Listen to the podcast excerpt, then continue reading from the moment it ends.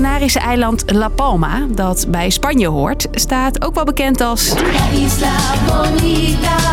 Oftewel het prachtige eiland. Alleen die pracht en praal is er voor veel bewoners wel even vanaf.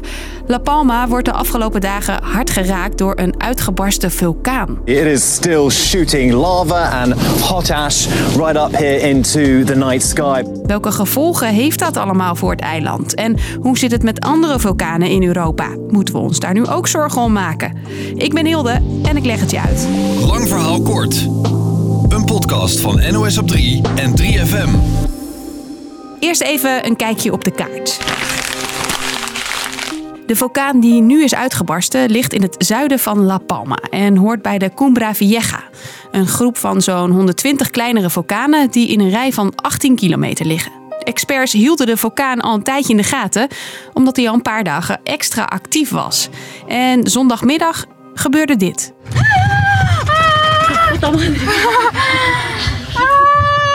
Een tv-verslaggever voelde dat de grond onder haar voeten begon te trillen.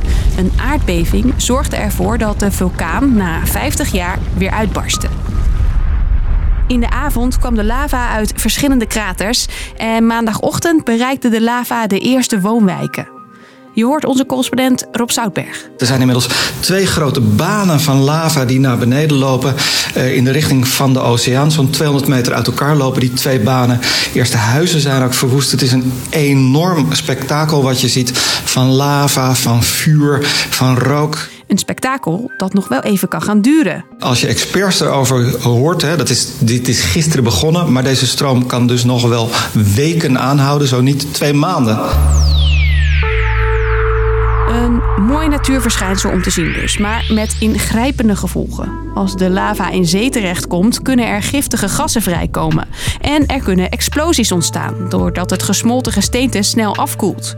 Toeristen kunnen tenminste nog naar huis. The, the, the lady from my house came you have to pack everything, you have to leave quickly. And then we tried to go to, to get a flight home and we're happy to go home now. Maar veel bewoners op het eiland moeten juist hun huis uit. TV's, kasten en geiten. Alles moet mee. Meer dan 6000 eilandbewoners en toeristen zijn geëvacueerd. It's so hard for the people that stay here and uh, I, I phoned our um, the lady who's uh, where, where we're living and she said she, she doesn't know if the house is still standing so it's it's horrible. It's, uh, I don't know. Zo'n 200 huizen zijn verwoest. En volgens de lokale autoriteiten is er nu al voor 400 miljoen euro aan schade. Een bedrag dat waarschijnlijk alleen nog maar zal oplopen. De vulkaan op La Palma is niet de enige Europese vulkaan die de laatste tijd veel in het nieuws is. Dit was vorige maand nog. De vulkaan Etna op het Italiaanse eiland Sicilië is uitgebarsten en dat levert deze spectaculaire beelden op. Er is geen schade gemeld, behalve wat as in dorpen in de buurt. En vorige maand groeide ook de Fagradalsfjall-vulkaan in IJsland uit tot een grote toeristische attractie. Die begon een paar maanden geleden namelijk met uitbarsten. We were really excited that it was bubbling so much when we got here. It's just amazing. Once in a lifetime Once in a lifetime experience. Absolutely, Yeah. yes. Maar is het echt zo once in a lifetime? Zijn er eigenlijk veel actieve vulkanen in Europa?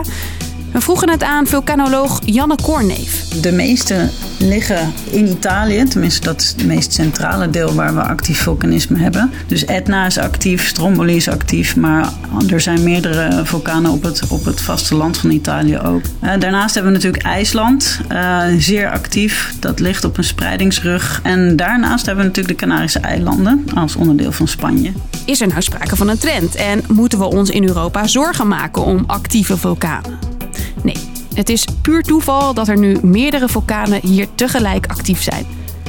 Maar waarom zijn ze er juist op die plekken actief? Er zijn eigenlijk drie plekken eh, op aarde waar vulkanen vormen. En dat zijn op plaatsen waar platen uit elkaar bewegen. Ehm, plaatsen waar platen onder elkaar schuiven.